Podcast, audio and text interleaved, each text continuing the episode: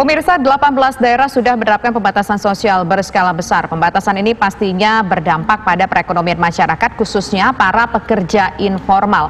Oleh sebab itu bantuan sosial pun harus diberikan kepada mereka yang terdampak baik dari pusat maupun dari pemerintah daerah.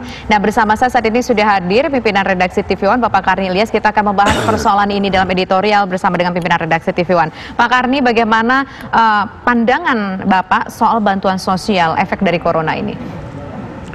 Ya kalau menurut saya syarat mutlak dari berhasilnya PES BB BB itu itu berbanding lurus dengan lancarnya bantuan sosial. Lah kalau bantuan sosialnya lancar, PSBB itu bisa diharapkan akan sukses. Dan nyatanya sampai hari ini katanya Jakarta itu sudah uh, angkanya udah sedikit mendatar dan agak menurun. Bahkan Depok juga dan beberapa kota-kota satelitnya di Jakarta ini udah mulai menurun. Baik yang terinfeksi baru maupun yang berhasil kita sembuhkan lebih banyak. Nah, cuma ke depan bagaimana? Itu persoalannya. Karena daerah kan sekarang agak melonjak. Jawa Timur saya dengar juga uh, naiknya tinggi hari ini. Artinya yang kita khawatirkan itu sementara ini Jakarta atau Jabodetabek terjadi penurunan atau kurvanya melandai. Takutnya setelah lebaran kalau PSBB ini gak lancar, ini akan dikirim lagi dari daerah ke Jakarta. Hmm, kayak bola pingpong ya Pak Karni ya? Ya main pingpong. Hmm. Itu yang kita khawatirkan. Lah, bagaimana supaya itu berhasil? Gak ada jalan lain karena ini udah kita mulai. Harusnya kita jaga PSBB eh, tadi dengan bantuan uh, sosial yang uh, lancar. Hmm. Masalahnya kan begini bantuan sosial ini kan tergantung lagi administrasi wilayah-wilayah uh, apa namanya administrasinya yang bagus tapi ya rata-rata kita itu banyak kekurangan lah buktinya data pemilih dalam pemilihan umum saja mm -hmm. itu kan berantakan mm -hmm.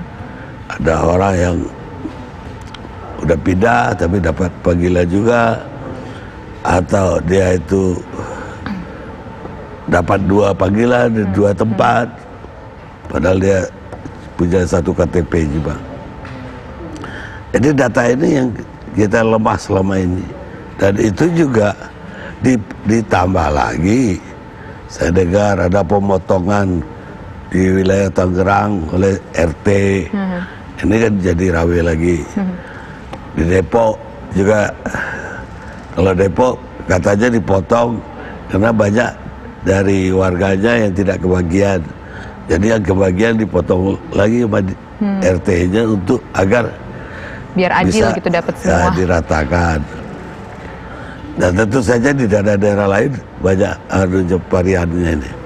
Tapi yang penting sekali itu bagaimana setiap kepala daerah menjaga bantuan sosial itu bisa lancar. Hmm. Nah, tapi yang saya dengar ada lagi wacana bahwa PSBB udah gak dibutuhkan lagi mau relaksasi dari pemerintah pusat. Bagi saya agak lucu kalau ini terjadi sementara kita selama ini udah serius sekali mau PSBB bahkan diperpanjang di DKI dua minggu lagi setelah dua minggu pertama dan daerah lain juga baru akan mulai Jawa Barat kalau nggak salah besok mulai. Iya, tanggal 6. Lah, kok ada wacana di pusat katanya rel relaksasi artinya dikurangi keketatan uh, eh, PSBB. Kalau menurut Pak Karya kenapa muncul wacana seperti itu? Muncul wacana sebaiknya kita lakukan relaksasi dari pemerintah pusat untuk PSBB. Ya kalau menurut saya memang dari kita mengadakan PSBB akan ada uh, konsekuensinya. Konsekuensinya ekonomi tidak akan berjalan sebagaimana mestinya. Agak banyak stuck. Sekarang aja bisnis di mana-mana stuck. Kedua, kekuatan pemerintah baik pusat maupun daerah membagikan bantuan sosial tadi. Jadi kalau sampai ini tiba-tiba di-cut apa bantuan sosialnya sudah Dikat. sudah bukan sudah kering atau sudah tidak uh, kuat lagi untuk menanggung dua minggu lagi ke depan misalnya. Ini belum jelas. Dan apakah ini benar ada rencana kayak gitu juga belum konfirmasinya belum jelas. Begini satu lagi juga Pak Karni, ini kan banyak orang yang memang betul-betul worry melihat efek dari coronavirus di dunia begitu Pak Karni ya. Termasuklah akhirnya ada sejumlah daerah yang daerahnya tidak masuk dalam kategori memiliki zona merah ataupun juga belum mendapatkan pengasahan PSBB dari pemerintah pusat, tapi ternyata menerapkan uh, semi karantina lah di wilayah mereka begitu Pak Karni. Bagaimana respon Pak Karni seperti ini? Apakah ini wajar-wajar saja atau memang ini tampaknya seperti terlalu overprotective untuk daerah masing-masing? Maksudmu di Indonesia atau di luar Indonesia? Indonesia tentunya Pak Karni. Oh di luar Indonesia. Ya kan apa ya wacana ada persepsi dari masing-masing kepala daerah kan memang beda-beda ya. Hmm. Ada yang nggak kepingin daerahnya sama sekali ada yang masuk sehingga ada pagar ketat-ketat walaupun belum ada yang terjangkit lah hmm. karena belum ada terjangkit dia hadang supaya jangan terjangkit. Ya sekarang bagaimana mensinkronkannya? Tergantung komunikasi seperti Jakarta dengan Jawa Barat, Jawa Tengah, Jawa Timur kan selama ini lancar. Nah, saya nggak tahu di daerah-daerah lain bagaimana komunikasi mereka. Agar tidak apa ya tidak bertabrakan keputusan yang diambil antar daerah sekalipun. Uh, kan tadi juga kita melihat bahwa ternyata PSBB ini ada yang ingin direlaksasi pemerintah pusat, kemudian pemerintah daerah tadi over begitu. Tapi uh, kalau misalnya Pak Karim melihat kita eh, lihatlah satu yang satu provinsi Jawa Barat ini akan berlaku PSBB besok secara menyeluruh begitu, meskipun memang ada mungkin beberapa daerah yang tidak tidak ada kasus coronanya di sana. Ini juga sebuah contoh yang baikkah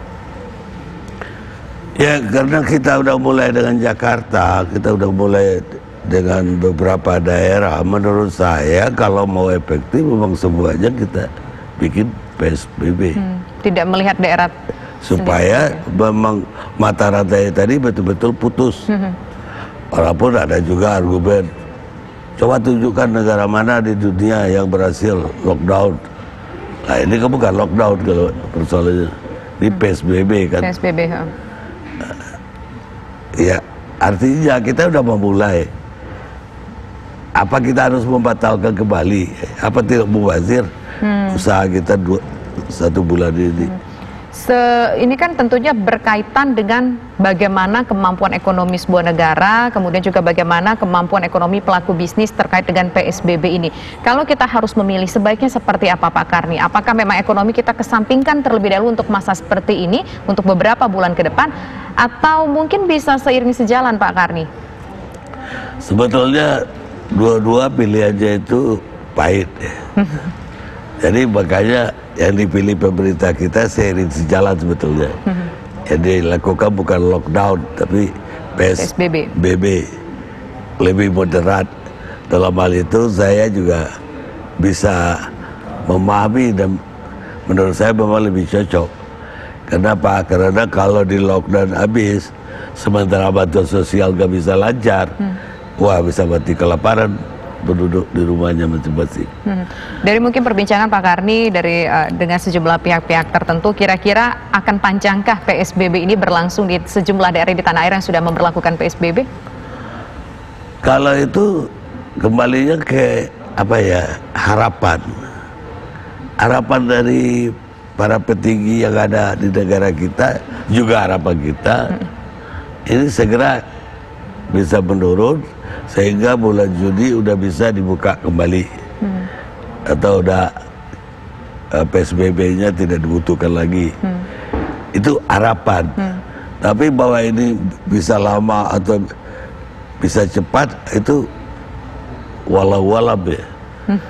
buktinya Singapura tiba-tiba meningkat lagi, lagi ya. kan lah apakah di Indonesia mungkin bisa seperti walaupun saya juga berteori-teori kemarin itu di ILC bahwa kemungkinan kita memang diberi rahmat ya diberi keberuntungan.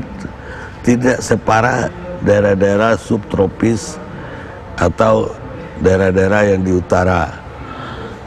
Alasan saya mungkin karena kita lebih katulistiwa. Tapi kalau itu alasannya ada bantahannya. Kenapa Ekuador bisa hancur-hancuran saya ber- berharap aja bahwa Ekuador ada faktor lain di luar cuaca tadi sehingga dia kena lebih parah dibanding negara eh, kalusti- katulistiwa yang lain Iya.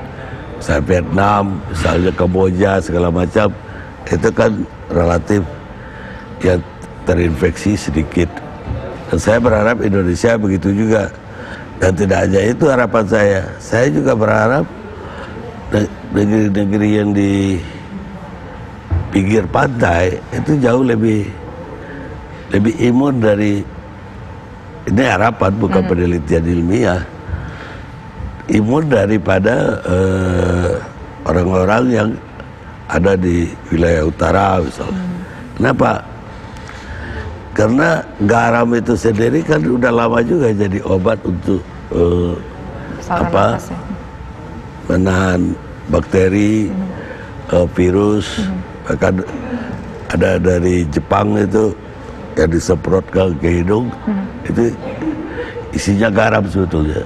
Jadi kalau laut itu pantai itu hawa atau Udara pantai tadi. udara garamnya itu lebih banyak, saya berharap bangsa Indonesia jauh lebih sehat dibanding negara-negara yang tidak punya pantai. Tentunya Indonesia merupakan negara kepulauan, pantainya lebih banyak, semoga kita lebih kuat, Nah, begitu ya, saya fisik kita kuat. berharap kalau itu benar teorinya, saya berharap ada penelitian dari para pakar itu bisa kita pakai untuk sebagai kekuatan ekonomi kita di balik Hmm. kesulitan ini. Oke, Artinya turis bisa kita kumpulin di pantai-pantai. untuk daya tahan tubuh begitu ya Pak Karni. Baik, terima kasih Pak Karni atas waktunya dan pemirsa demikian bedah editorial bersama pimpinan redaksi TV One Bapak Karni Ilyas.